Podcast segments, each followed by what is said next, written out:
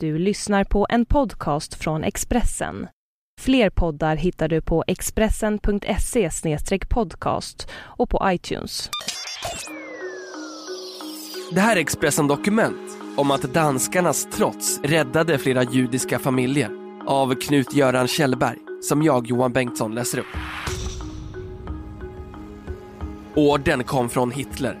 Alla judar i Danmark skulle bort. I hamnen i Köpenhamn låg fartygen redo. På Jylland och Fyn stod extra tåg med boskapsvagnar klara. Destinationen, lägren varifrån ingen återvände levande. Danskarna trotsade ockupationsmakten. De gömde sina judiska vänner, körde dem i hemlighet till stränderna där modiga fiskare gömde dem i lastutrymmena. Under en dramatisk vecka lämnade 7000 danska judar allt de ägde och flydde över Öresund till Sverige.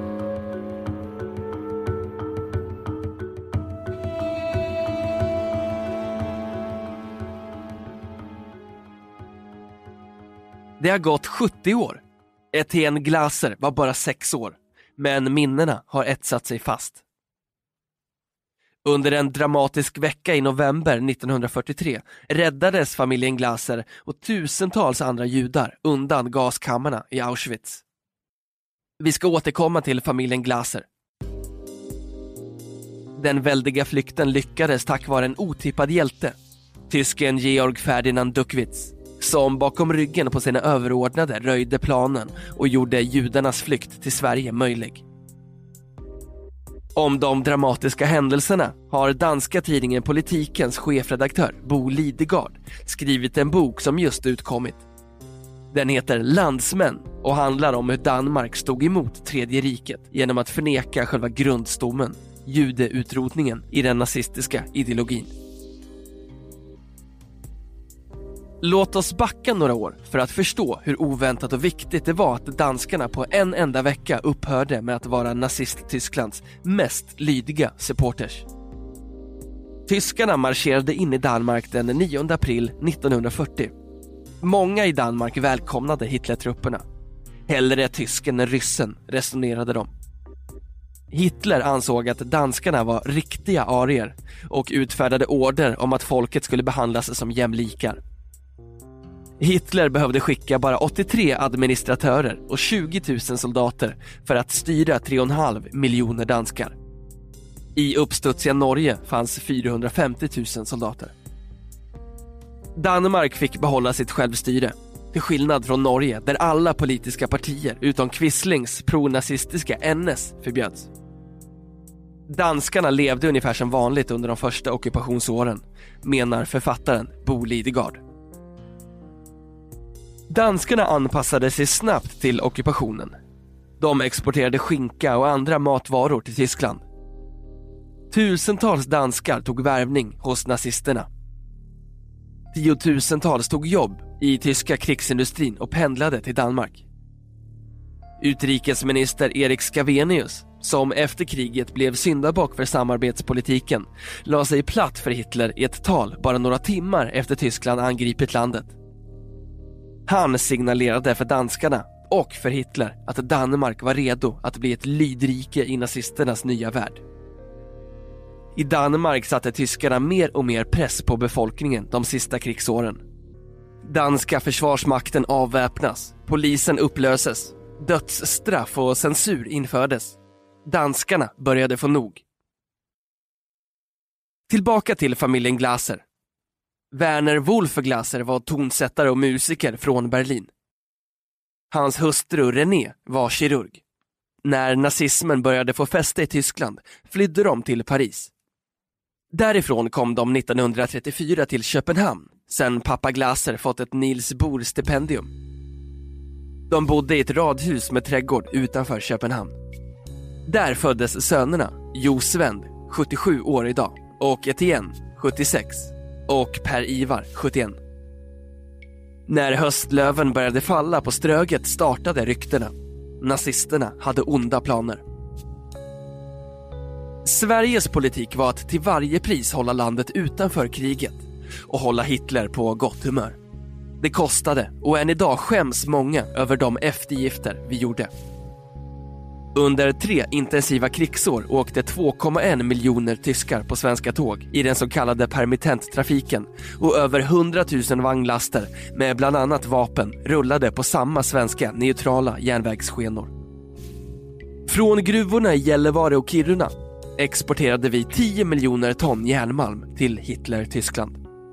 I Krupp-koncernens smedjor blev malmen till vapen. Tidig höst 1943. Hitler stod inte på topp längre. Krigslyckan hade vänt. Klockan 22.10 den 1 oktober kom blixtrazzian mot Danmarks judar. Det var natten mellan fredag och lördag. Telefonnätet slogs av. Gestapo ryckte ut med patruller i pansarfordon. Adresserna hade de från ett inbrott i arkivet hos Mosaiska församlingen. Werner Best hette tyskarnas chef. Klockan 23.15 informerade han danska UDs expeditionschef Nils Svenningsen att en aktion mot riksfientliga element hade inletts. Best sa att de gripna under morgontimmarna skulle föras till Tyskland. Kvinnor, barn och gamla ska föras till Theresienstadt i Böhmen, en stad där judarna har självstyre och lever under ordnade förhållanden. De arbetsföra ska sättas i olika arbeten. Den lögnen försökte bäst slå i danskarna. De flesta visste redan då att de förseglade godstågen gick mot förintelsen i Auschwitz. Gestapo möttes av mörka och övergivna hem. Nästan inga fanns att gripa. Razzians resultat blev 285 nyanlända judiska flyktingar som inte fått varningar och 30 gamla på ett ålderdomshem som glömts bort. Razzian avbröts en timme efter midnatt. Judarna fördes ombord på lastfartyget Varteland som var förberett för 5000 gripna. Ett tyskt fiasko. Och orsaken till det var den tyske andre mannen i nazisternas högkvarter i Köpenhamn. Han hette Georg Ferdinand Duckwitz, en 39-årig diplomat. Nazist var han, men han hade fått nog av vansinnet som utfördes i nazismens namn. Han spelade ett livsfarligt dubbelspel och det räddade livet på tusentals danska judar. Han tog kontakt med sina vänner bland danska socialdemokrater, berättade för judiska församlingen, reste hemligen till Stockholm, vädjande till Sveriges statsminister Per Albin Hansson att trotsa Hitler och öppna gränserna för en flyktingvåg av danska judar. Danmarks judar var på flykt. Sen ryktena började surra att en tysk aktion var på gång hade de sökt skydd hos vänner. Över sundet till Sverige. Vi hade börjat bli kaxigare mot Hitler. Tysktågen hade stoppats. Järnmalmsexporten hade skurits ner kraftigt. Censuren hade lättat och våra medier tilläts rapportera om nazisternas illdåd. När den nervöse Georg Ferdinand satt mitt emot Per Albin i hemligt möte ställdes statsministern inför ett mycket svårt beslut. Vågade vi trotsa Hitler? Eller skulle vi än en gång krypa för Europas tyrann? Svaret kablades ut från UD i form av en order till marinens chef i Malmö. Våra sjöstridskrafter ska övervaka vårt territorialvatten. Ur flottans förråd ska lämnas olja till alla fiskare som frivilligt deltar i patrulleringen. Avsikten är att ta hand om ankommande danska flyktingar. Modigt och vågat. Tyska båtar som jagade flyktingarna över Öresund skulle angripas. Den 5 oktober 1943 svepte tunga regnmål över hamnen i Gilleleje längst ut i norr på Själland. Etienne Glaser berättar. Jag hämtades hos familjen som gömt mig. Vi tog S-banan till Norrebro och sen åkte vi ett tåg som var fullpackat med flyktingar i många timmar. Etienne Glaser var för liten för att förstå faran. Några flyktingar gick rakt i famnen på kriminalkommissarie Hans Jul, kallad Gestapo Jul, spärrades in och sändes till koncentrationslägren. Vi sprang mot fiskebåten. Jag hade dubbla tröjor och två ytterrockar. Mamma och pappa hade små väskor med det allra viktigaste. Allt annat hade vi lämnat. Vinden tilltog. Det blåste upp till storm. Det var trångt i lastutrymmet. Etienne Glasers starkaste minne är när han kom i land. Någon tog mig i famn. Jag tror det var en polis eller en militär. Jag såg en glimt av det stormiga svarta vattnet mellan båten och bryggan. Nu var jag i Sverige. Här fanns inte tyskarna. Ett annat minne är från en stor sal i Höganäs dit båtflyktingarna togs. En Lotta gav oss barn varm mjölk och en bulle. Det smakade underbart efter många timmar till havs i den rullande båten. Många hundra flyktingar kom till samhällena och fiskelägena längs den skånska kusten den natten. Och natten före. Och natten efter.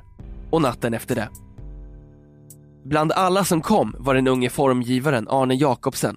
När kriget var över återvände han och skapade världsberömda möbler som stolen Myran och fåtöljen Ägget.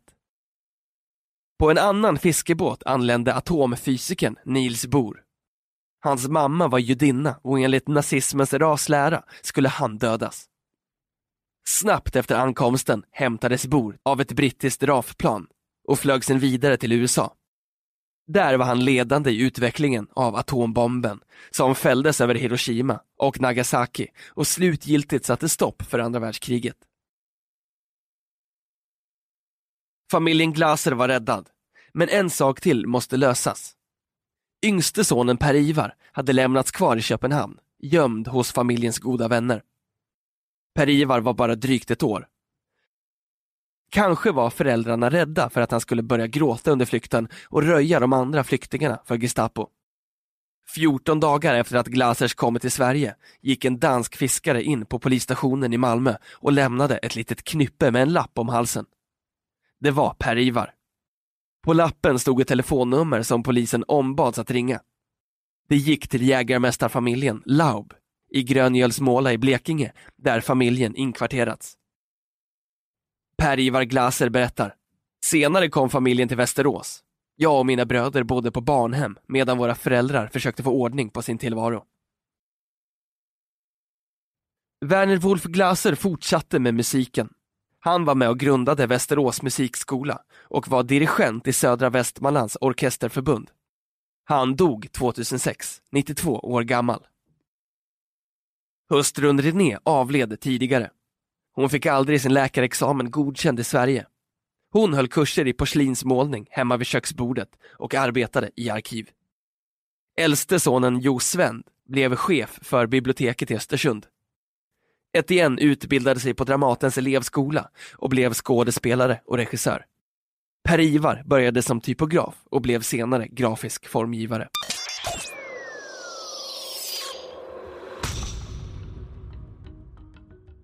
Du har lyssnat på en podcast från Expressen. Ansvarig utgivare är Thomas Mattsson. Fler poddar finns på Expressen.se och på iTunes.